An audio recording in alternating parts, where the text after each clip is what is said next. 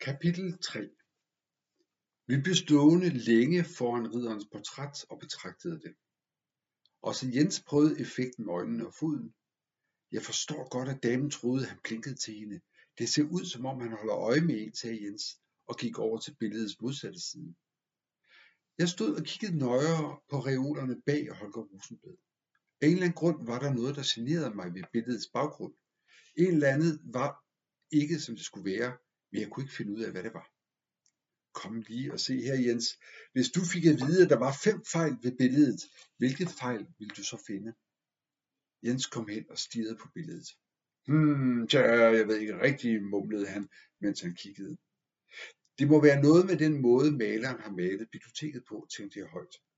Det kan være, at bøgerne er sat anderledes, end de står i dag, men på den anden side, så tror jeg ikke, at der er nogen, der har givet ændre på bøgernes placering, siden Holger Rosenbed. Grevinden sagde jo også, at efter Holger var der ingen, der interesserede sig for biblioteket.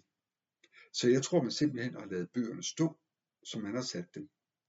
Det, der kan selvfølgelig også være forskel på, hvor mange hylder reolerne har, og hvor de hylder er placeret. Men lad mig nu se. Jeg begyndte at tælle hylderne i hvert af bibliotekets reoler, men løb hurtigt sur i det. Helt ærligt, det var jo også Jens, der var god til matematik. Alligevel havde jeg på fornemmelsen, at maleriet skjulte et eller andet, eller at det forsøgte at sende et signal til den, der vidste, hvad man skulle kigge efter. Jeg kiggede endnu en gang på grevens strenge markerede ansigt. Hans øjne stirrede tilbage med et hånligt og arrogant udtryk, som om han triumferede over, at jeg ikke kunne regne det ud. Skuffet vendte jeg mig om og begyndte at studere nogle af de andre malerier i riddersalen. Direkte over for ridderens portræt var på den modsatte side hang portrættet af hans kone. Hun så helt anderledes ud. Et åbent, venligt og lyst ansigt med store blå øjne. Hendes lange blonde hår var samlet i en kunstfærdigt opsat knold på toppen af hovedet, og hun var iført en overdådig rød kjole og hvide handsker.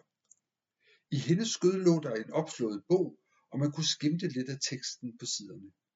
Hun var malet siden i biblioteket på næsten samme sted som Holger Rosenbed. Også bag hende kunne man se reolerne med de mange bøger. Efter et stykke tid blev jeg forstyrret af en voldsom larm, og jeg vendte om, mig om med et suk og gik hen til Jens for at hjælpe ham. Han var stødt ind i en rustning, mens han gik og studerede loftet, og var nu i færd med at rejse den. Den var tung, men med fælles hjælp fik vi den på plads. Den hang lidt med hovedet, og den stod temmelig foroverbøjet, som om den havde mavepine og var i færd med at slippe en ordentlig prut, men det var der ikke noget at gøre ved.